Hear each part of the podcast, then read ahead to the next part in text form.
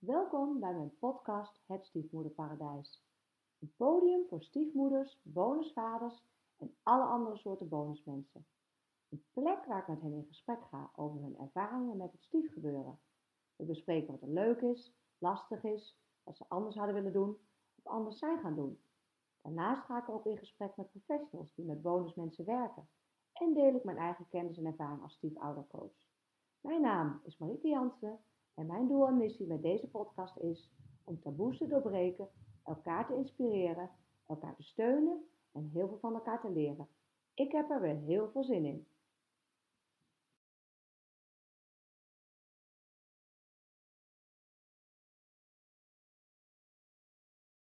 Nou, dat. Oh ja. ja. Ja, hij doet het. We moesten allebei even kijken, inderdaad. Hè, van, uh, loopt hij nou? Maar hij loopt. Super uh, leuk dat jullie weer luisteren uh, naar de podcast. Ik heb vandaag weer een uh, gast, Johannes Mol. En daar ben ik super blij mee. Heel leuk. Een tijd geleden heb ik hem al gespot. Ik weet niet, op LinkedIn of via andere stiefouder coaches. Johannes is stiefvader geweest, is vader. Maar waar ik hem heel graag over wil spreken is zijn onderzoek. En ik uh, durf het niet helemaal te definiëren waar het nou specifiek over ging. Want het gaat natuurlijk, uh, dat is altijd een onderzoeksvraag. Dus dat gaat Johannes zo zelf vertellen. Maar uh, het heeft in ieder geval met stiefvaders te maken. Dus ik ga gauw het woord aan Johannes geven om zichzelf voor te stellen. Nou, leuk dat je luistert. Ja. mijn naam is Johannes Mol. Ik ben nog steeds stiefvader. Ik vertelde net aan Marieke dat ik gescheiden ben van uh, de moeder van uh, mijn stiefdochter, die ook de moeder is van mijn twee biologische dochters. Die zijn inmiddels uh, 20, 21 en 26. Uh, mijn stiefdochter was twee toen ik haar moeder leerde kennen. en toen zij vier was, to toen gingen we echt samenleven. En nou, jarenlang hebben, hebben we eigenlijk min of meer fulltime met elkaar geleefd omdat ze heel weinig naar de vader toe ging. Maar tien jaar geleden, uh, ja, toen ging het dus helaas uh, met haar moeder, uh, tussen haar moeder en mij niet goed. Toen zijn we uit elkaar gegaan en, en zij was toen 16.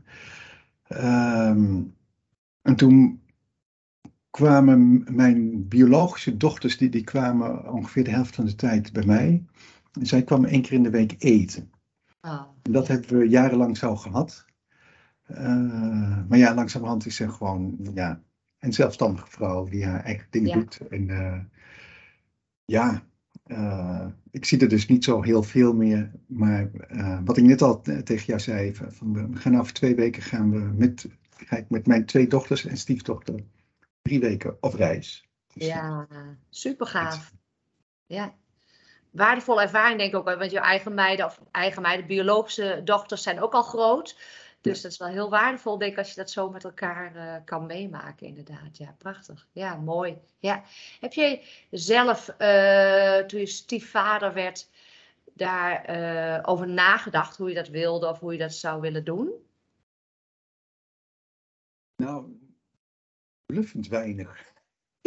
ja, dat was echt al lang geleden. Hè? Dat was een hele andere tijd ook alweer. Maar... Ja, maar ik, ik, heb, ik heb er verbluffend luchthartig over gedacht. Ja, ja. kan niet anders zeggen. Ja, mooi. Ik dacht, oh, dat komt wel goed. Ja, ja. ja dat, vind ik, dat eh, vind ik zelf ook eh, intrigerend aan het hele verhaal. Eh, dat, merkte ik aan mezelf ook toen ik een relatie kreeg. En dan ben je knetter verliefd. En die verliefdheid, die is gewoon ook wel een soort van funest of zo. Tenminste, is mijn ervaring. Want toen ging ik me meteen verdiepen in stiefgezin. En toen las ik van alles en dat het moeilijk ingewikkeld. Nou, dat nam ik ook aan hoor. Maar uh, ik merkte van mezelf dat je zo verliefd bent dat je denkt, ja, we vinden elkaar zo leuk, dat komt heus wel goed of zo. Maar, dus dat vind ik een heel, ingewikkeld, uh, heel ingewikkelde dynamiek inderdaad. Maar goed, uh, ja. Nou, en, ik heb helemaal niks gelezen. Nee. Echt, echt helemaal niks. Uh, nee, ik, ik, uh, ik kende dat meisje als, als een heel vrolijk, levendig meisje. En, en ik dacht, uh, nou, dat gaat wel goed. Uh, ze vond mij wel leuk en ik vond haar leuk. En uh, ja. nou, dan moet het toch goed gaan. Ik vind haar moeder heel erg leuk. Ja, ja, ja, die is ook heel leuk inderdaad. Ja. Het is ook al 24 jaar geleden dus, als ik het goed zeg. Inderdaad. Ja. toen was het denk ik ook minder over überhaupt minder over te lezen of eh, te vinden, denk ik. Ik, ik weet het niet. Ik denk dat het eigenlijk niet zo heel veel uitmaakt. Er, er, wordt, er wordt met een zekere regelmaat wordt er een boek gepubliceerd over stiefgezinnen. Door allerlei mensen. En ehm, ja, het, het gros van, van alles wat, wat er gezegd en gepubliceerd wordt, dat, dat zijn toch ervaringsverhalen eigenlijk. Uh, tenminste in Nederland dan, hè? Ja. Dus de, de, wetenschappelijke Engelse literatuur, de, dat is een heel ander uh, verhaal. Ja. En dan gaat het veel meer over allerlei uh, kwantitatieve onderzoeken. Nou, die vind ik niet zo interessant eigenlijk. Dat, het is heel oppervlakkig wat daaruit komt. Ja. Ehm, maar ja, van, van de meer echt uh, pogingen om te, te, te, begrijpen wat er nou in, in uh, stiefgezinnen gebeurt. En, en, meer, ja, het, het, is een beetje op de grens van psychologie en sociologie natuurlijk. Ja. Om, om, omdat het, uh, het, het, gaat over groepsprocessen. Ja. Maar het gaat ook over persoonlijke gevoelens de hele tijd. Nou ja, en op dat kruispunt, de, ja, Eigenlijk wordt er heel weinig uh, echt goed geschreven, vind ik zelf. Ja. Dat, uh... ja, dat snap ik. Want inderdaad, is gezegd, wordt, in andere landen wordt, als ik het goed begrijp, kwantitatief onderzoek gedaan, cijfers. Ja, dat zegt ook niet zo heel veel over de inhoud en over de moeilijkheid waarschijnlijk. Ja, behalve dat dan veel mensen uit elkaar gaan. Nou ja, dat, dat, zijn dan sociologen hè? En, en die, die, die op de universiteit werken en die zijn dan bijvoorbeeld bezig met uh, ja, wat zijn nou de kenmerken van kinderen uh, die uitvallen in het middelbaar onderwijs? Oh, okay. Nou, en dan komt eruit dat uh, kinderen van gescheiden ouders het minder goed doen dan kinderen van ouders die bij elkaar zijn. Ja. En dan wordt het interessant. En wat gebeurt er dan als er een stiefouder komt? Ja.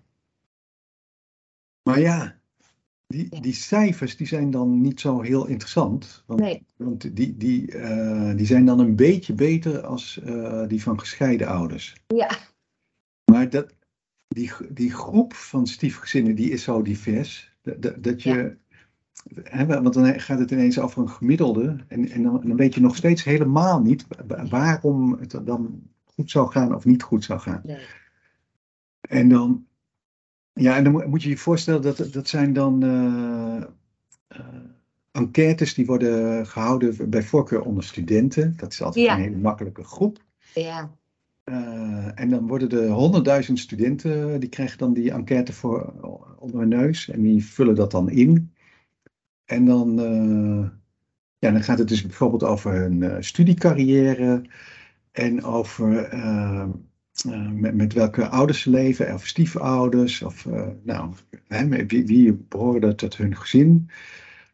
En dan, ehm, ja, de, dan komen er ook nog altijd wel wat vragen over of je dan goed met je ouders kan opschieten. Nou ja, en Ja. Als je dan met twee ouders bent, waarvan één is stiefouder, maar je kunt er goed mee vinden, dan gaat je studie vaak beter. En dan denk ik, ja, Ja. Ja. ja. ja, dat klinkt wel eh, vrij logisch inderdaad. Ja, vind ik. Ja, oh grappig. Ja. ja, en Johannes, klopt het dat jij tien jaar geleden ongeveer met je onderzoek bent gestart? Ja, nou, dat is inmiddels al wel weer twaalf jaar geleden. Dat, eh, Wat was de aanleiding? Hoe kwam je daar zo toe dat je dacht, nou, nu eh, ga ik dit eh, opstarten? eh, nou, de- er was een hele prozaïsche aanleiding. Dat ik, ik was eh, coördinator van de afstudeeropdrachten bij mij op school. Ik ben, ik ben docent op een opleiding voor sociaal werk.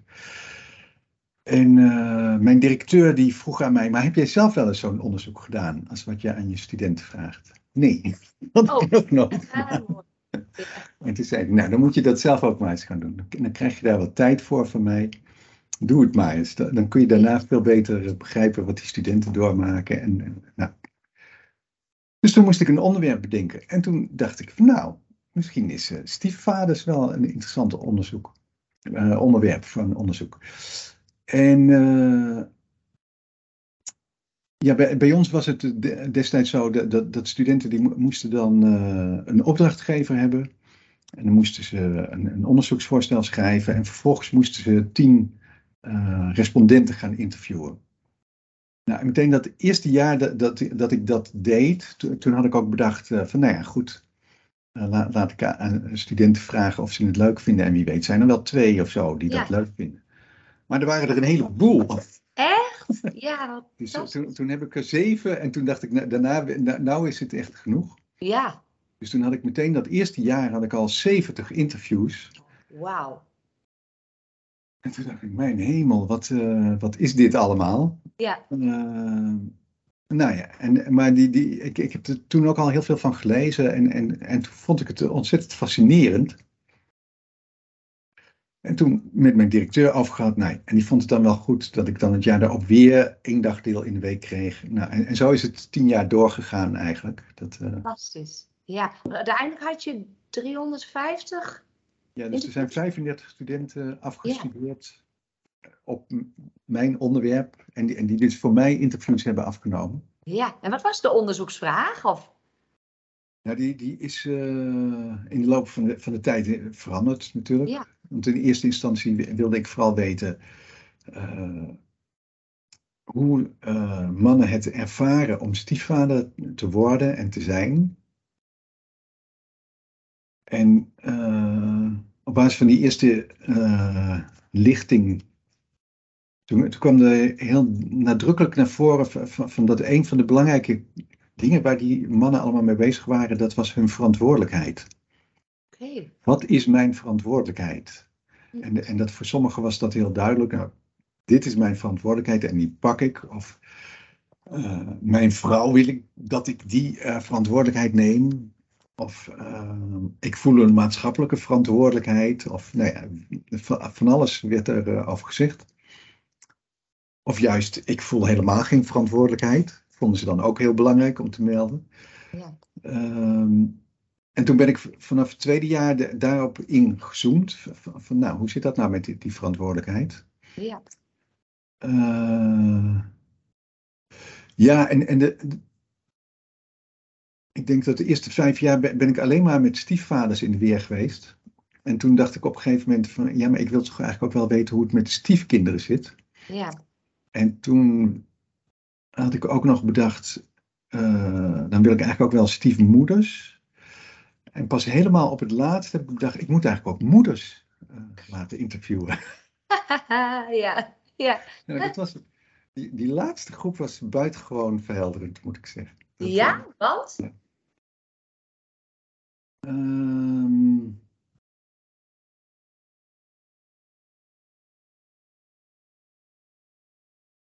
die, die mannen, die, die praten. eh,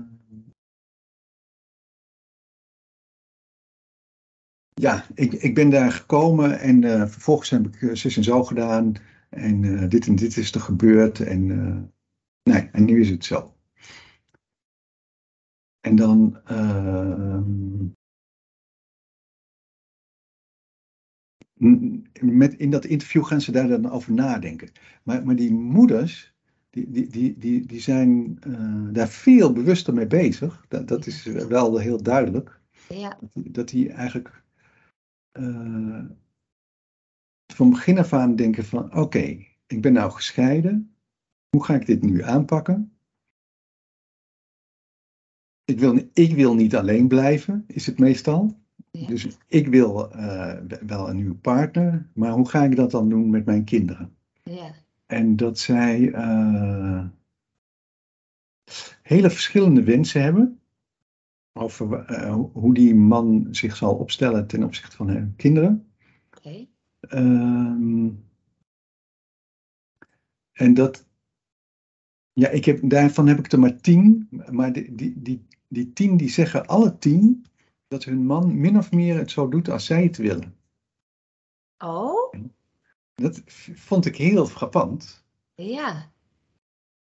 En En hoe hebben ze dat het- voor elkaar gekregen? Of ging dat eh, natuurlijk? Nou ja, dat, dat, dat er wel gedoe over is geweest, soms. En soms ook niet. Maar, maar toch, eh, dat, dat ze zich heel nadrukkelijk positioneren als ik ben in de lead. Ja, Het zijn mijn kinderen. Ik ga Ja. hierover. ja, En ehm, Ja, kijk, en d- daar zijn ze eigenlijk bijna, ja, 9 van de 10 waren daar ook heel helder in. Als het niet gaat eh, tussen jou en mijn kinderen, ja, dan Ja, voor mijn kinderen. ja dat hoor ik wel vaker. Ja, ja, ja. Wat, wat eh, volgens mij niet de realiteit is, overigens. nee. Ik, ik vermoed dat ik we- wel een beetje een bias had in, in de steekproef. ja, ja, ja, En, en dat die, die vrouwen die zich. Oh, hè, want er wa- was een student en die zei van. Nou, ik heb echt geen enkele moeite gehad om eh, respondenten te vinden. Ze had in haar eigen dorp tien respondenten gevonden. Dat Oh, is toch ongelooflijk? Dat, eh, en dan niet een heel groot dorp. Dat, eh, Nee. oh, fantastisch. Ja, Ja. ja. Ja, dat is ook wel weer interessant dat je die, die heel verschillende eh, rollen hebt. Moeder, bonusmoeder, vader, stiefvader. En vanuit die posities denk je ook weer anders inderdaad. Ja. Ja. Zo. Maar goed, de, de, dus eh, ik, ik vond het heel verhelderend om, om eh, ja, die, die, die, die vrouwen aan het woord te horen die, die eh, dus niet hetzelfde willen, maar dan toch over het algemeen heel tevreden zijn met hoe hun man zich opstelt. Ja. Ja. En, Ja. en dat de een dan, dan wil eh, van ja, ik, ik, ik, ik zoek een, een man die, die zich echt vaderlijk opstelt voor mijn kind. En, en die mijn kind helemaal ja, wil, zal ik maar zeggen. En, en een andere moeder die zei van ja, nee, maar ik, ik, ik, voor mij is het wel duidelijk dat ja, in ons huis eh, eigenlijk zijn er twee eh, gezinnen. Ik met mijn kinderen en ik met mijn partner. Ja. En, eh, en ja, zo wil ik het. Oh ja? Oh, zo wou ze het ook. Ja, jeetje. Ja. Ja, dan zie je maar inderdaad hoe, hoe verschillend mensen zijn. En hoe, ja, hoe divers zijn, ook door hun geschiedenis natuurlijk. Maar, goh. Ja, en dat kun je allemaal van tevoren niet goed bedenken of voorzien. Ja, sommige dingen kan je als vrouw of als man wel bedenken dat je het zo wil. Maar goed, dat is ook afhankelijk van eh, je kinderen, hoe die reageren en hoe je partner reageert. Maar, poeh. ja. En want, ehm, ik zit eens te denken inderdaad, dan heb je dus die moeder met haar kinderen en dan een stiefvader. Maar als die stiefvader ook vader is, dan eh, heeft hij ook nog weer zo'n zijn ex-vrouw. En dan zie je soms ook wel dat die vader helemaal klem komt te zitten tussen die twee vrouwen. Omdat die vrouw waar hij mee leeft, die wil van alles. Maar dat durft hij weer niet goed te verkondigen naar de ex-vrouw. Dus dat is weer een andere dynamiek dan eigenlijk. Ja, dat vond ik ook heel eh, opmerkelijk. Dat eh, eh, de vrouwen vinden het veel makkelijker om tussen twee mannen te leven dan de mannen tussen twee vrouwen. Ja, ja, ja, ja. Ja, maar Als er ja. aan beide kanten kinderen zijn dan, hè? Dat, Ja. eh, Ja, maar ik denk inmiddels ook wel tenmin- ja, ehm, dat ehm, vrouwen, eh, hoe zeg je dat, ja, meer ideeën erover hebben, ha- harder ermee bezig zijn, eh, een, een, een duidelijke rol op zich nemen of zo. En dat mannen, ik weet niet of je dat herkent uit je onderzoeken, misschien helemaal niet. Maar de mannen die ik sprak, dacht ik, en ook bij mijn eigen vriend heb ik dat ontdekt en met hem besproken die nemen meer bescheidenheid of nemen meer afstand of geven de rest meer ruimte of zo. Heel wonderlijk. Ik weet niet of je dat herkent of dat ja, je het. zeker. Ja. Ja. En die vrouwen duiken er meer op of zo. Heb ik bij mezelf ook heel erg gemerkt. En niet, ehm, eh, hoe zeg je dat? Ehm, wel met de beste bedoelingen, maar eh, het was voor mezelf niet heel prettig, laat ik het zo eh, zeggen. En voor de kinderen misschien ook niet trouwens. Nou, die heb ik wel de ruimte gegeven, maar je wilt heel graag goed doen of zo. Terwijl die mannen zijn daar relaxed in of zo eh, misschien. Maar goed. Zijn er nog ehm, andere dingen in het onderzoek waarvan je denkt, oh dat hebben we, dat vond ik opvallend of dat ben ik tegengekomen? Nou, in, in, in het verlengde van, van wat je nu zegt, vond ik een van de eh, meest eh, typische dingen dat, dat, dat het hele onderscheid tussen mannen en vrouwen, waar, waar- eh, heel veel discussie over is en, en de, de- de hele maatschappij lijkt toch te streven naar meer gelijkwaardigheid.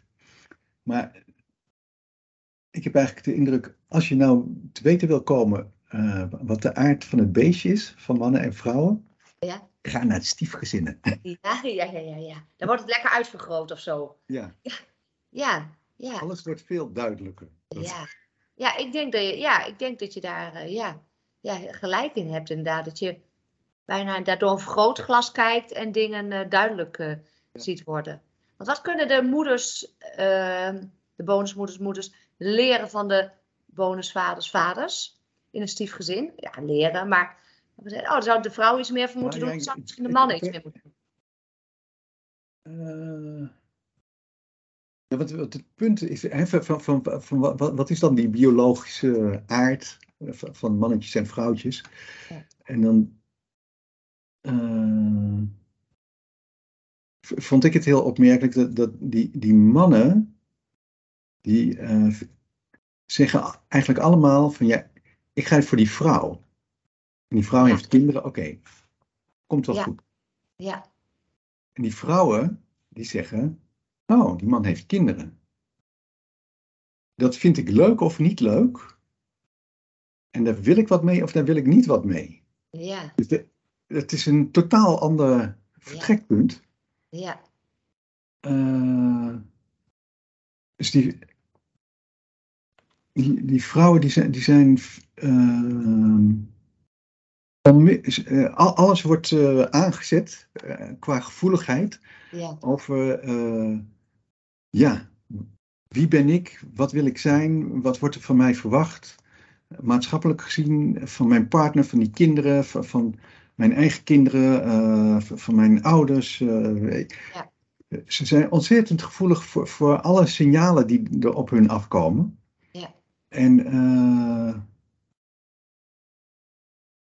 de, de, de luchthartigheid verdwijnt daarmee. Het, Ja. het wordt meteen eh, heftig. zwaar en heftig. En, en het kan heftig goed gaan of heftig slecht gaan. Ja, Dat maakt eigenlijk niet zoveel uit, maar het is hoe dan ook.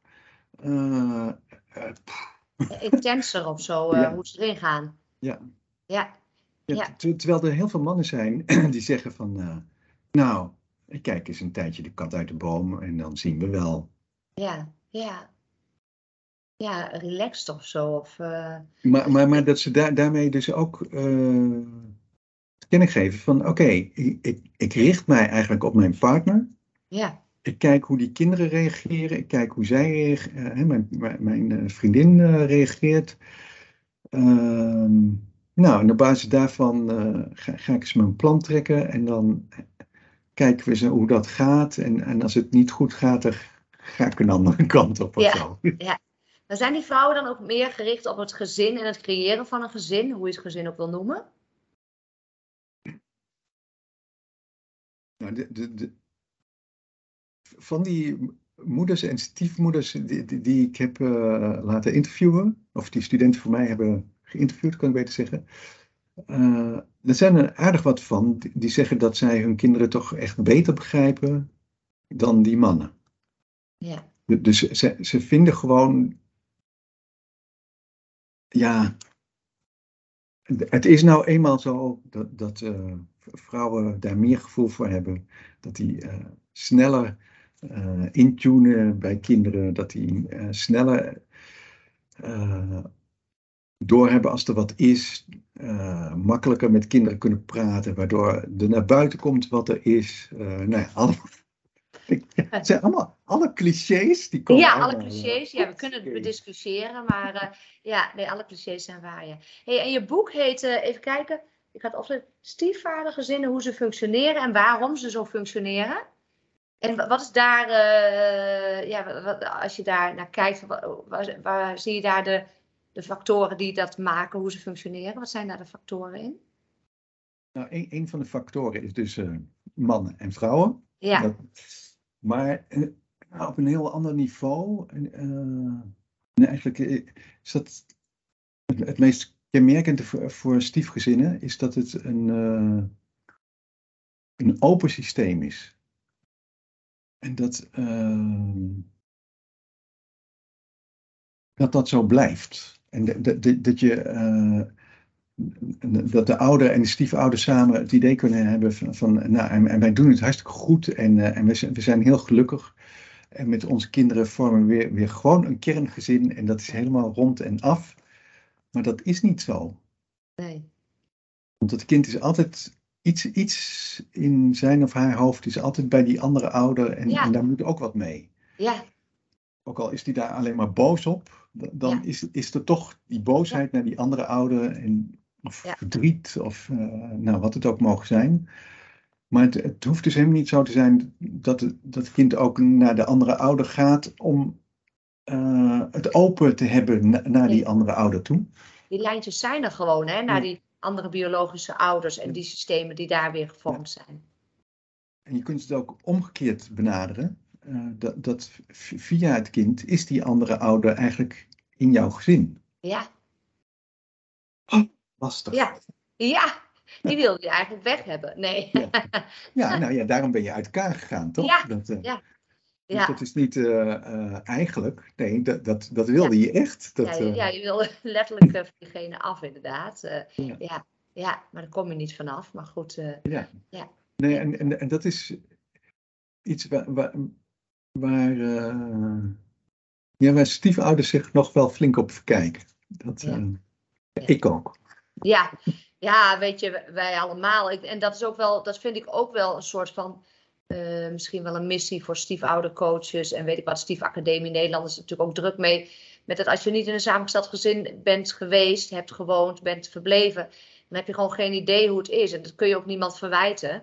Eh, maar ja, je ervaart het pas als je er middenin zit, inderdaad. Eh, ja, ja, ja. Dat vind ik soms wel mooi. Dan word ik benaderd bijvoorbeeld door een, eh, eh, een oma, laat maar zeggen. En die zegt dan, ja, mijn dochter die heeft een relatie met een man met kinderen.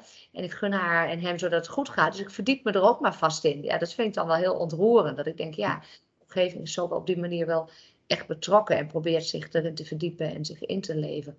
Want het is gewoon ingewikkeld ook. Ja, op scholen denk ik ook wel eens van... eh, punt 1 moeten scholen ja, moesten kunnen begrijpen hoe het is als kind van gescheiden ouders. Nou, dat is al een uitdaging om dat te begrijpen eh, soms. Maar samengesteld gezin is nog weer anders, inderdaad. Ja, ja. ja. Hey, en ehm, eh, he- heb je nog de aanleiding, heb je nog het idee gehad van ik ga nog weer vervolgonderzoek op het thema doen of helemaal niet? Nou, je hebt het lang gedaan. Ik weet het niet. Ik, ik ben weer allerlei andere dingen aan het doen. Het, het, Ja. Misschien komt het wel weer terug hoor. Ik, ik Ja. ben eh, net, net benaderd voor, een, eh, eh, een leernetwerk. Ja, Ik weet niet of je dat kent, dat Nou, verschijnsel. het kwam me tegen. Leernetwerk kwetsbare gezinnen. Ja, daar, daar ben ik de trekker van. Ja. Maar, maar, maar er is nu weer een ander leernetwerk over gescheiden ouders.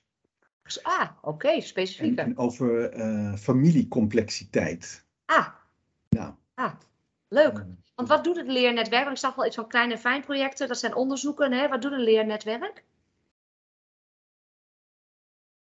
probeert om eh, mensen van eh, verschillende komaf bij elkaar te brengen en met elkaar na te denken over moeilijk oplosbare problemen. Ja, En dan gaat het eh, vaak over eh, docenten van, van HBO-instellingen, onderzoekers, hulpverleners, ambtenaren, ervaringsdeskundigen, studenten, nou ja, allerlei mensen door elkaar. En die, en die met elkaar laten praten over een, een ja, zoiets ingewikkelds als scheiding of stiefgezin, of in mijn geval dan kwetsbare gezinnen. Maar dat is eh, een heel ander onderwerp. Dat, Ja. En bij het leernetwerk gescheiden ouders, is daar een specifiek thema waar jullie als eerste mee aan de slag gaan? Of Nou, verschillende het is thema's? net begonnen, dus, dus het is nog helemaal in een inventariserende fase. Dat, Ja, eh, startfase inderdaad. Ja, dus, maar goed, je bent nog wel een beetje bij het, eh, je zit nog wel tegen het thema aan, laat Ja. maar zeggen.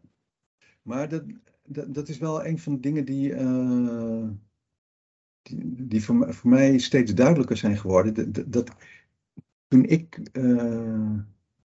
met mijn vriendin een nieuw gezin begon, hè, Ja, eh, toen dacht ik, we beginnen opnieuw.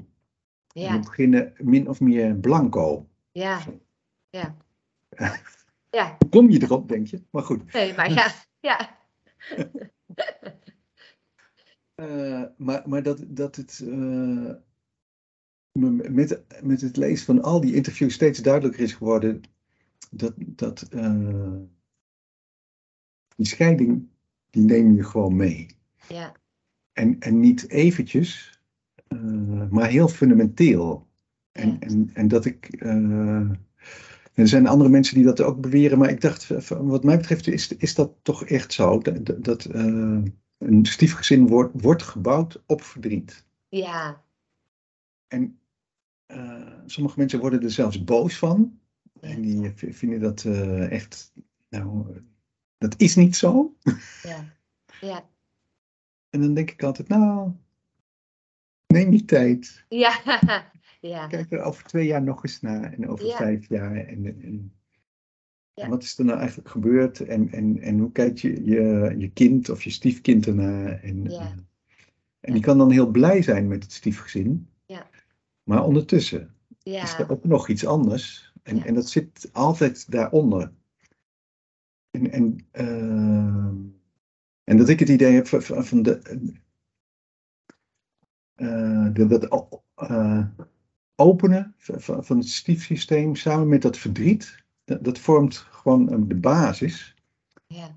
En, en omdat dat allebei zo blijft, blijft het ingewikkeld. Ja. En hoe bedoel je dat met het openen van het verdriet, bijvoorbeeld? Nee, nee, het openen van het gezinssysteem. Ah ja. Ja. Ja. Ja. Ja, want er zitten heel veel vormen van verdriet natuurlijk. Hè. Bij de kinderen zit verdriet, maar bij de ouders zit. Ja, of de andere, iedereen vindt het toch jammer dat het niet Ja. gelukt is. Of Ja. is heel verdrietig dat iemand verloren is. Of zijn ideaalbeeld verloren is.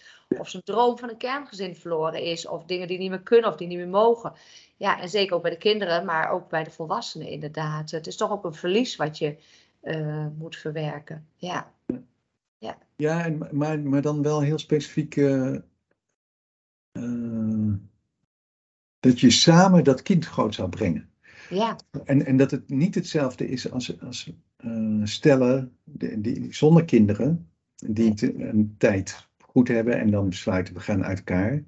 Dan, ja, dan bl- blijft die ex ook wel de- de- door je hoofd heen spoken. Maar, maar eh, het typische met, met een kind is dat, dat, dat die herinnering die wordt iedere keer maar weer opgeroepen door dat kind. Ja, ja, nou en ik heb zelf bij mezelf ook wel eens gemerkt, en met mijn vriend ook wel eens over gehad, dat je eh, in sommige relaties kan het gelukkig wel, maar in sommige ook niet, dat je niet meer met de vader van je dochter in mijn geval kan uitwisselen van, oh wat doet ze dit leuk, wat doet ze dat leuk. Ja, dat kan wel op een bepaald niveau en het is bij iedereen anders, bij sommigen kan dat supergoed, maar ook weer niet dagelijks, laat maar zeggen. Dus het is wel, dat doe je nu dan met je partner over, het, je, eigen, over je kind, wat dan weer niet zijn kind is. Dus vind ik, en ik had laatst had ik een podcast opgenomen over jaloers op de, op de ex van mijn partner. Daar laat ik dat thema ook eens aan. En daar kwam bij mezelf ook wel naar boven. Dat is dan ook weer een soort verdriet wat je dan weer meeneemt in je huidige zin. Dus bij mij geen groot verdriet. Maar dat ik geen kinderen met mijn huidige partner heb gekregen. Ja, dat is natuurlijk ook best wel weer jammer eigenlijk. Dat, dat- hem vind je heel leuk. Dus daar wil je graag kinderen mee bij wijze van spreken. Nou, gaat niet gebeuren. Maar eh, ja, dat is ook wel weer een soort verdriet. Wat dan ook zo'n samengesteld gezin weer meeneemt. Wat je, waar je weer mee moet dealen. Ja, ja. Komt er veel bij kijken, hè? Maar de, eh, wat, wat ik belangrijk vind is, is dat het, omdat het eh, in het fundament zit, Ja. het gaat niet weg. Nee. En hoe duikt dat dan op voor jou? Voor jou bij de kinderen duikt het natuurlijk op. Hoe, hoe duikt dat nog meer op bij de volwassenen dan bijvoorbeeld? Nou, dat, dat bijvoorbeeld eh, als- als, een kind eh, afstudeert of zo, hè? Wie mag er komen? In coronatijd, er mochten er Ja. vaak twee komen. Nou, welke twee mogen er dan komen? Ja, Of eh, het kind krijgt zelf weer een kind. Wie mag er als eerste komen? ja, ja. We willen die ouders dan samenkomen? Ja, ja dus da- daar heb je het in ieder geval ook over het verdriet van het kind. Want die wordt elke keer voor een dilemma gesteld. En misschien ja, ja maar de- dus ook het. Want, ik, ik, heb dat dan samengevat in, in het woord verdriet, om, omdat het zo moeilijk is om iedere keer weer te zeggen: ja, maar het, het is ook woede en angst en eh, teleurstelling en eh, nou ja, allerlei emoties en schaamte en schuld. En, eh, Ja. eh, ehm, het, het, het, het wordt iedere keer weer geactiveerd. Het, Ja. het, het, het is nooit voorbij. Nee, nee. En, en, en dat ik nu eh, eh, twee maanden geleden heb meegemaakt dat, dat de vader van mijn stiefdochter ging dood. Ach. En dat, eh, nou, dan is, alles is er weer gewoon. Ja. Ja. En alle ingewikkeldheden. En, eh, Ja. En, en dat er dan, en, en zij is eh, zijn enige kind. En dat de begrafenisondernemer dan eh, na, na afloop van de bijeenkomst zegt: eh, Nou, graag aanwezig, u kunt direct buiten de familie condoleren. Ja. Wie is dat? Ja. Ja. Ja. Ja. Wie valt daaronder? Ja. Ja. Ja. Zo complex. Heel ingewikkeld. Dat, Ja. eh, Ja. Ja. Nou ja, en, en, en van een ander, eh, eh, van, van- een nicht van mij hoor- hoorde ik dat, dat haar moeder van 96, eh, die, die, die is een paar maanden geleden overleden. En dan ging het erover van, en, en wie mogen er nou op de kaart? Ja. Ja. Ja. Mogen stief eh, mensen erbij? En de kinderen van die stief mogen die erbij? Ja. Ja. Ja. Nou ja, En, Ja. en zo iedere keer weer e- ergens eh, is het er weer, oeh, oh ja. Ja, ja, het komt dus ook op het moment dat je het niet verwacht, maar ook op het moment dat je het wel verwacht. Het komt gewoon elke keer eh, weer terug, inderdaad. Eh, ja, ja mijn, mijn eh, ex-partner overleed in december. Dus de vader van mijn eh, dochter. En eh, toen hadden we hetzelfde, maar gelukkig, of dat vond ik heel mooi van mijn eh, ex-schoonzussen. Die zeiden: nee, jij komt gewoon op de kaart. Want dat is voor mijn dochter eh, is het ook fijn als jij er weer Ja. op staat. Dus stond ik ook op de kaart. Maar inderdaad, dat soort dilemma's, inderdaad. Poh, dat is. eh, ja, nou ja, zo komt het elke keer. Heb jij, want dat valt, want jij werkt natuurlijk ook op een hogeschool en ik ook. En ik hoor studenten ehm, wel regelmatig zeggen, als we het erover hebben, van. Eh, die hebben echt zo'n leeftijd ook. Die zeggen: Oh joh, ik heb al mijn derde stiefvader. Oh joh, ik heb al mijn vierde stiefmoeder. Eh, heb je daar iets over gehoord in je, in je interviews toevallig? Of, eh, Zeker. ja, Ehm, nee, een, een van de dingen die, die ik heel opmerkelijk vond, wa- was dat de interview met, met, met de, een jongen die dan meldt van ja, ik, ik heb 15 jaar met mijn stiefvader gewoond. En ik, ik kon het best goed met hem vinden. En, eh, en ook met zijn zoons. Eigenlijk was het best leuk. Als, als ik er nu zo over zit te vertellen, denk ik, ja, eigenlijk hadden we best een goede tijd. Maar ja, het is gewoon voorbij. Ik zie hem Ja. nooit meer. En dan eh, vraagt die student, eh, van- en, en wat, ja, en wat gaat er nou door je heen dan? Nou, niks eigenlijk. nee. Het is gewoon voorbij. Ja. Ja, die man die heeft nog wel geprobeerd om contact met mij te houden, maar eh, ik, heb daar niet zo'n behoefte aan. Oké. Ja. ja, dat kan ook natuurlijk. Maar Nou, Ja. en daar, dit verhaal, dat, in allerlei varianten heb ik dat gehoord. ja, Du- Dus dat, dat, is, eh, dat is wel wijdverbreid. En, en daar staat tegenover juist het verhaal eh, van die kinderen die soms heel weinig contact hebben gehad met, met de, eh, de ouder waar ze niet wonen. Eh, ja, wel of geen sympathie of, of verlangen. Of, eh, het kan, maar ze zijn er allemaal ontzettend mee bezig. ja, En, en dat, dat het enorme verschil tussen een, een biologische ouder en een stiefouder in, in, ja, in je con- eigen constitutie, zeg maar. Hè? Ja, Dat, dat, het zo'n fundamenteel verschil is. ja, En, en, en dat ik. eh, ja, ik heb altijd het idee dat, dat- als je juist een, een beetje de extreme situaties opzoekt, dan, dan vind je het meest de kern van, van wat, wat er gewoon is. Eh, en, en, en dat juist dus op het moment dat, dat, eh, dat een relatie verbroken wordt. En eh, kinderen gaan bijvoorbeeld bij hun moeder wonen. eh, en ze zien hun vader één keer in, in, in het weekend of, of eh, nou, nog veel minder. maar dat blijft maar, dat blijft maar door hun hoofd zeuren. En, en dat ze dan ja, hun vader dat kwalijk kunnen nemen. Of kunnen denken van. ja, ik ben toch een beetje eenzaam of zo. Ja. Heel bazaal. Ja. Eh, terwijl terwijl die, die stiefkinderen waarvan de stiefvader vertrekt. Nou, dat is een totaal ander gevoel. Ja. Ze, ze nemen die, die stiefouder nooit kwa... Ja, die is gewoon weer weg. Zo, ja. Ja. Ja. Ja. Ja. Volgende hoofdstuk. Ja. Ja. Tenzij ze natuurlijk, eh, dat hoor je natuurlijk ook, dat ze echt een super intense band met de stiefvader hadden en helemaal geen band meer met hun vader, of wel, maar dat ze daar echt ja, een hele liefdevolle relatie mee hadden. Maar ik kan me ook wel voorstellen dat als je als stiefkind, eh, de, de, de, de vertrekte stiefmoeder en dan komt een nieuwe stiefmoeder, ja, als je met iedereen alles maar contact moet houden, is ook geen doen. Nee. En dan heb je ook weer die loyaliteiten en eh, nou ja, de jaloezie misschien weer. En ja, pff, ja, nou ja, ik zeg altijd, eh, ja, we gaan er niks aan veranderen. Dit is gewoon de realiteit dat het zo is. Maar ik denk dat het wel goed is, en dat probeer ik ook altijd, om, ja, om ons goed in te blijven leven in de kinderen inderdaad. Eh, Ja. Maar dat, dat ook. Gewoon als je, als je eh, naar jezelf kijkt, dat, dat, dat je toch zo'n. ja.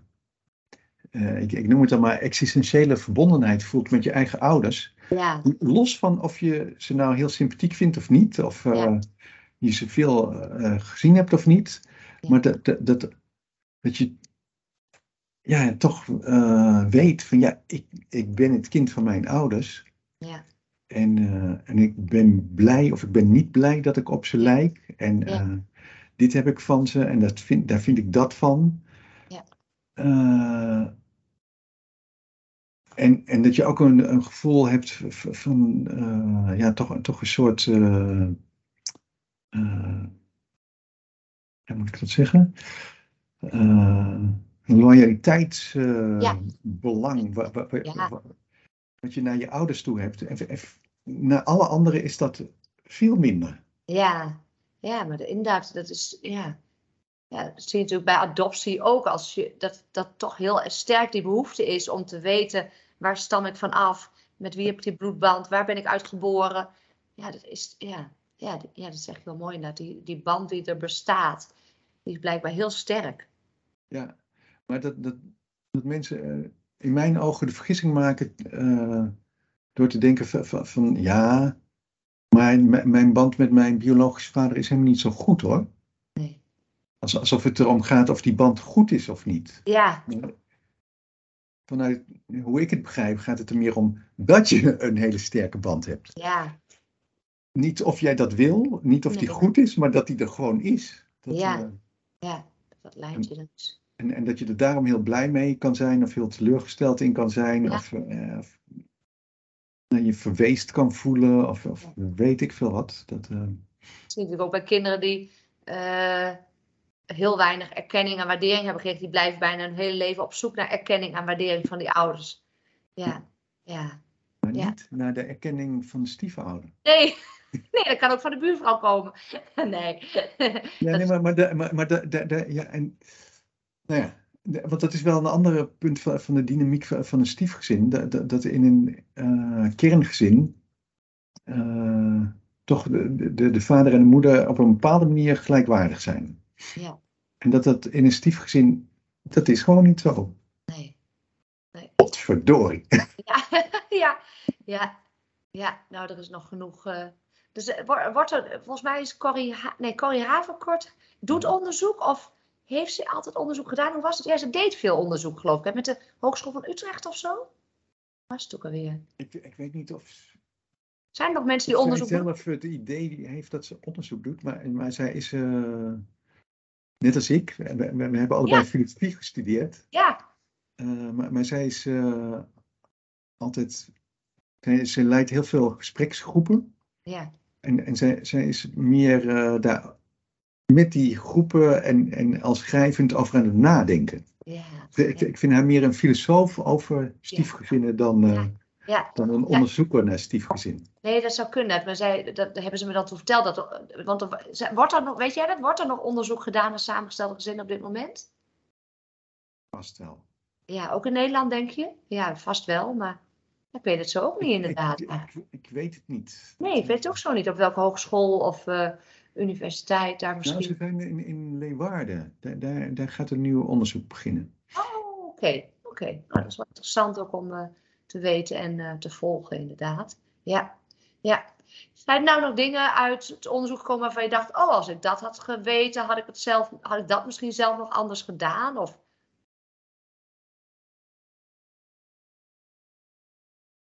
het had mij kunnen helpen? Of... Eh, Nou ja, misschien dat wel, ja. Dat ik, eh, dat ik het idee had van, eh, het is het beste om een hele goede warme band met je stiefkind te hebben. En, Ja. en als die er niet is, dan heb je toch eigenlijk gefaald. Ja? En dat, eh, dat in mijn geval niet altijd zo geweest is. Nee. Ik, ik heb een, eh, een, nee, een heel eh, turbulente. eh, nou ja, dat is wel een heel groot woord. Maar, maar, de, maar het zijn grote veranderingen geweest in, in, in de loop van die 24 jaar. Ja. Veel, veel, veel meer dan met mijn biologische dochters. Die, die Ja. zijn veel constanter geweest. eigenlijk. Ja. Maar dat, dat ik. eh, ik, ik. Ik heb dat wel moeilijk gevonden. En, en dat ik dan het idee had dat ik faalde. Ja. Dat, Ja. dat, dat ik tekort schoot of dat ik het niet goed deed of weet ik veel wat. Maar de, wat ik toen straks vertelde over die, die verschillende moeders die, die een heel verschillend soortige stiefvader willen. Ja, er, er zijn gewoon moeders die een stiefvader willen die zich niet met ha- haar kinderen bemoeit. Ja. Ja.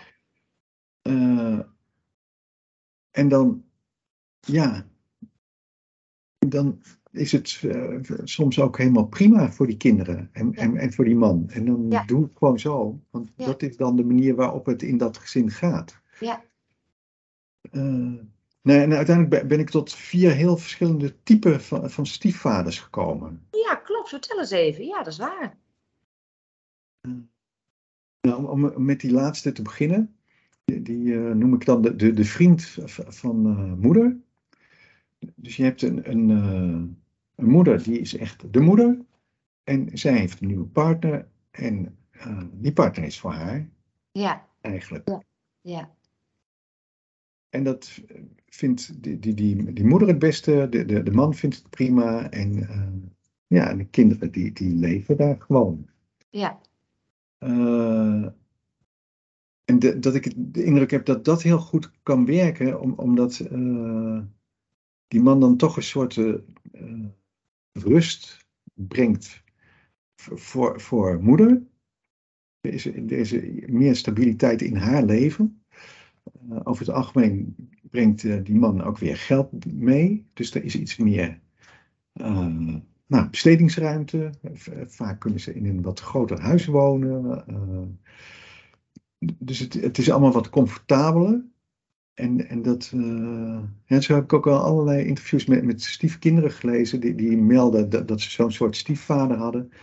En, die- en die geeft hun dan af en toe een cadeau. En dan doen ze eindexamen en dan krijgen ze een scooter. Nou, zijn ze blij. Zo, Ja. Een hele tof peer. Die toch weer. Ja, ja, ja.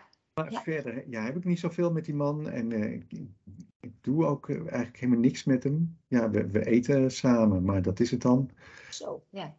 Eh, dus dat- is één categorie Ja. van, van de, de, de vriend van moeder. Ehm, en daartegenover, helemaal, helemaal een andere extreem, dat is dan eh, wat ik noem de echte vader. Echt tussen aanhalingstekens, omdat hij dat natuurlijk juist niet is. Nee. Maar de- dat het bijzondere daarvan is dat hij eh, door zijn stiefkind geadopteerd wordt. Ja. En dat die relatie zo goed is, de- de- dat. eh, ja, het, het is een heel eh, speciaal soort interviews. Dat die, die, die mannen die, die, die zijn gewoon zo blij. En Ja. eh, die praten met heel veel liefde. En, en de, het klinkt alsof er, ja, er, zijn gewoon geen conflicten. Want ik kan het gewoon zo goed met mijn stiefkind vinden. En, en, en dat is zo fijn. En de moeder wil dat ook zo graag. En Ja. Ja. zijn gewoon allemaal heel gelukkig. En dat. ehm, die mannen die, die, die zijn eh, hypergevoelig voor hun stiefkind. Ja. Ja, en, en, en dat. Ik, ik, heb de, en- en laatst, eh, hoorde ik nog iemand dat zeggen. Van, ja, dat, het is echt heel raar. Want eh, ja, mijn, mijn vader, dat is eigenlijk mijn stiefvader. Maar mijn, mijn eh, broertjes, daarvan is het wel de echte vader. Maar als er met mij iets is, dan wordt mijn stiefvader altijd heel emotioneel. En met mijn broers is dat niet zo. Gewoon bijzonder, ja.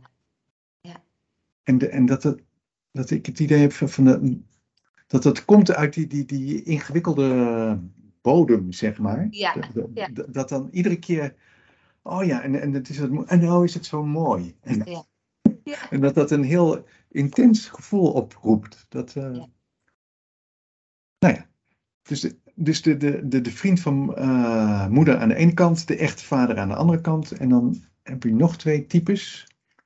Eh, je hebt mannen die, die eh, vinden dat ze moeten gaan opvoeden. Ja. Dat zijn er nogal veel. Ja. Dat is wel de helft van de, de stiefvaders die ik heb geïnterviewd, bijna. En ehm, die noem ik dan de opvoedende man in huis. Ja. Nou, het kan zijn dat, dat de moeder dat wil. Da- da- Daar heb ik eh, zowel van de stiefvaders als van de moeders kant eh, wel duidelijke interviews over, dat, dat, dat, dat, ze dat willen. En dan eh, gaat het erom dat, dat, moeder voelt zich, eh, ja, in een moeilijke positie na een scheiding, want eh, zij wil eh, ja, vooral die kinderen tegemoet komen en is daarom te toegefelijk. eh, heeft te veel begrip voor de kinderen en nou, dan heeft ze het met de partner erover en, en dan denkt ze, ja, je hebt eigenlijk ook gelijk. Er moeten wel regels zijn en het kan... Als we hebben afgesproken 9 uur bedtijd, dan is het ook 9 uur. En dan moet het niet elke keer half tien, kwart voor tien worden. Nee, dat is helemaal niet goed. Maar ik kan het niet. Ik- Doe Nee. jij het? Ja. Ja. Ja. Of, eh, eh, nee, we hebben afgesproken één uur per dag eh, op de iPad en dan is het klaar of zo. Hè? En, en dat, dat die moeders zich zo gemanipuleerd weten door hun kind.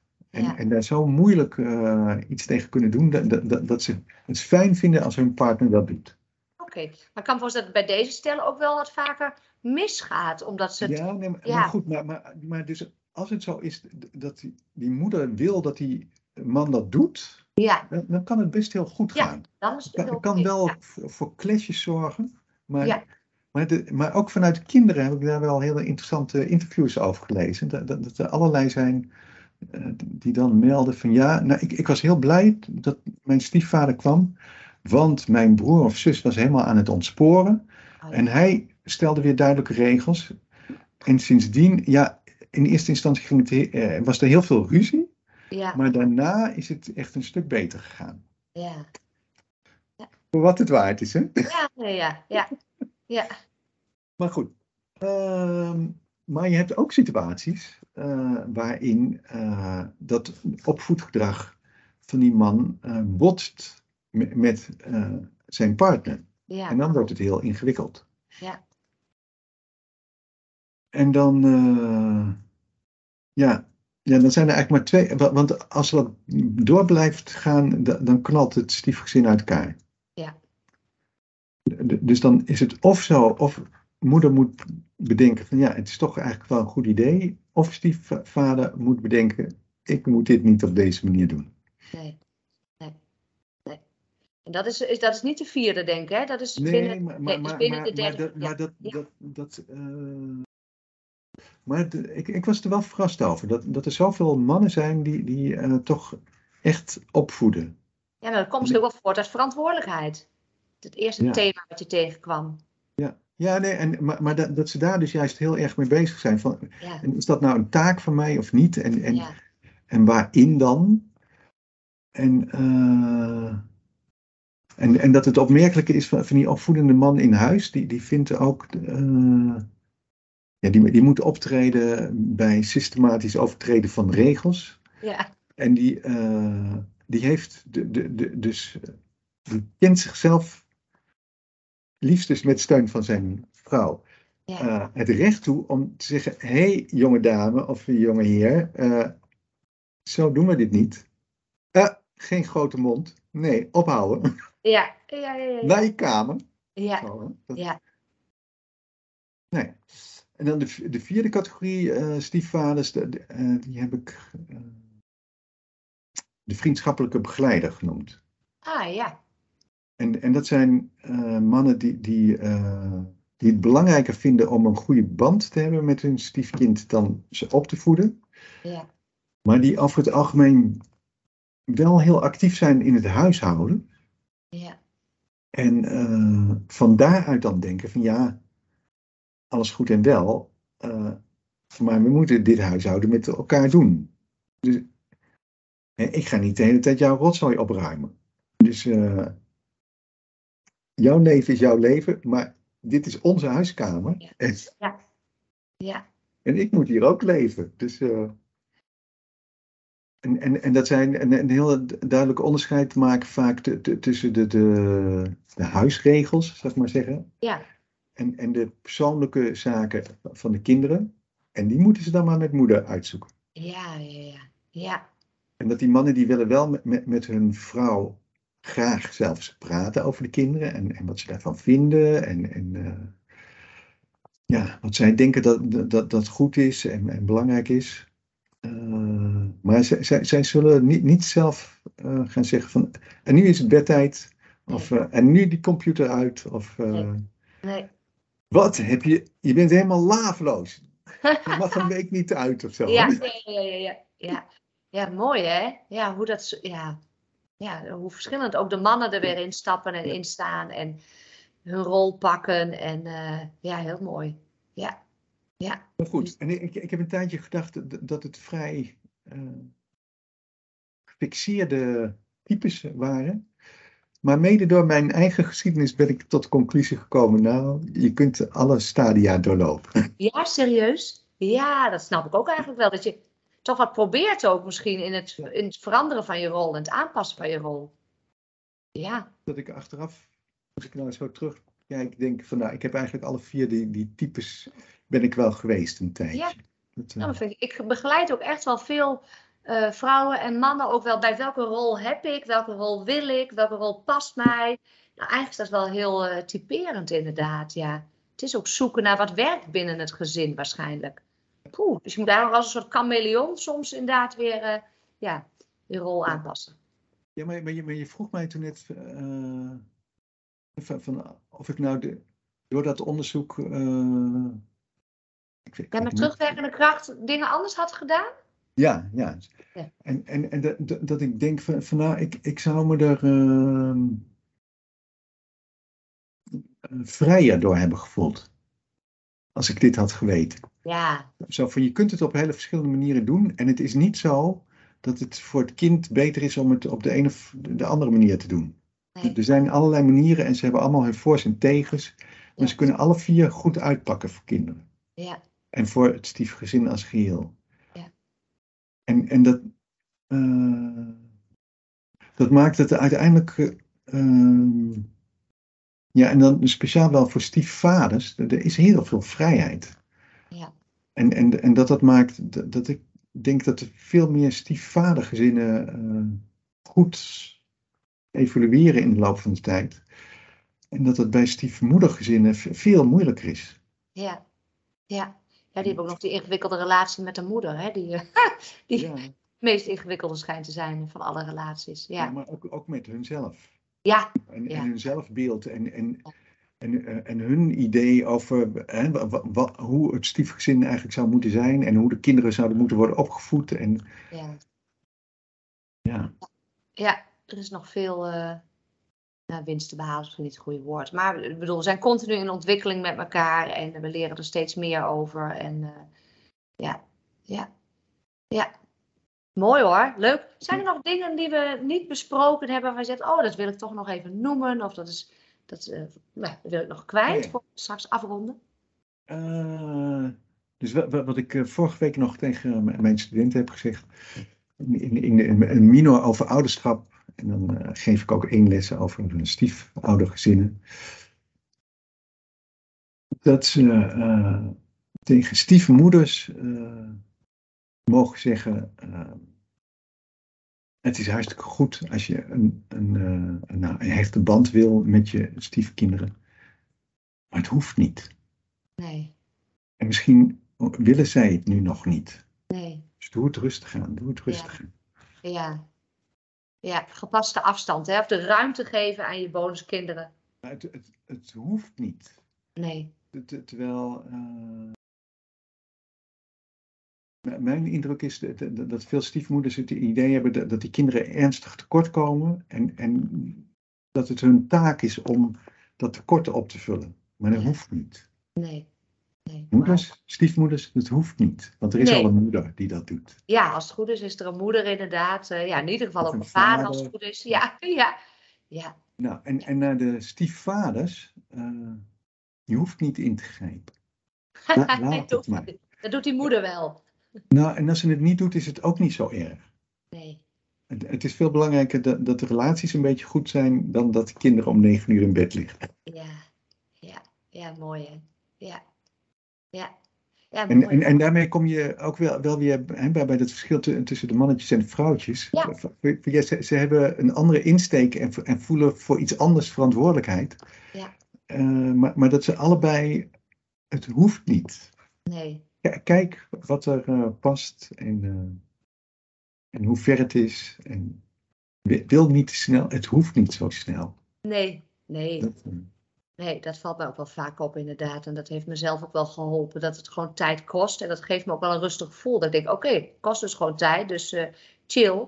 En ja, dat, dat haalt de druk er ook wel af of zo. Tijd kost om met elkaar een vorm te vinden. Ja, je zegt, ik geef minor ouderschap. Die gaat echt over... Ja, daarin leidt de social workers op alles wat met ouderschap te maken heeft. Opvoeden en dergelijke. Nee, het, het, gaat over een heel uh, specifiek onderwerp. het gaat over uh, uh, proberen als hulpverlener naast een ouder te gaan staan. En met de ouder mee te kijken naar de buffers die de ouders heeft en die zo goed mogelijk laten functioneren. Eigenlijk. Nou, daar kan ik ook weer een heel verhaal over vertellen, maar, maar, dat is een heel ander onderwerp. Maar het is, het is wel uh, leuk nog om, om te zeggen dat, dat, dat degene die uh, dit bedacht heeft, Alice van der Pas, uh, die, die is wel een heel belangrijk figuur in mijn boek, om, omdat zij, zij heeft ook een theorie over ouderschap ontwikkeld. En ze heeft een, een soort definitie gegeven van, van wat een ouder is. En uh, ze zegt dan, een ouder is iemand die besef heeft van tijdloos en onvoorwaardelijk verantwoordelijk zijn. Dus een besef van een tijdloos en onvoorwaardelijk verantwoordelijk zijn. Nou, en dat, uh, misschien is dat leuk om daarmee af te sluiten. Want, uh, want dit, dit, dit, is typisch voor, voor een, een ouder. En een stiefouder die heeft dit niet. Nee. En sommige stiefouders die denken dat ze het uh, krijgen, maar het is niet zo. Nee. Het, het is sowieso niet tijdloos. Want nee. het is, het, het is, als de kinderen klein zijn, is het gebonden aan de ouder met wie jij leeft. En als die de relatie met jou verbreekt, ja, dan ben je er al helemaal niet meer verantwoordelijk voor. Nee. En het is ook eh, zeker niet onvoorwaardelijk, want nee. er zit altijd de voorwaardelijkheid van die ouder tussen. Ja. En dat, eh, die, die, die ouder die moet jou willen ja. in, in, die rol. Dus, dus jij kunt je beschikbaar stellen, maar je, je, je bent het niet. Nee. Nee. nee. Schrijf het even op. Ja. Ja, mooi. Ja. Dan gaan we zo afronden, Johannes, na Ja. al deze mooie afsluitende woorden, inderdaad. Ontzettend bedankt eh, voor je bijdrage. Super interessant om eh, nog weer wat meer ook van- de kant van stiefvaders te horen, maar ook zeker van stiefmoeders, moeders, vaders. eh, en bonuskinderen en kinderen. Dus eh, hartstikke leuk. Heel erg bedankt. Graag gedaan.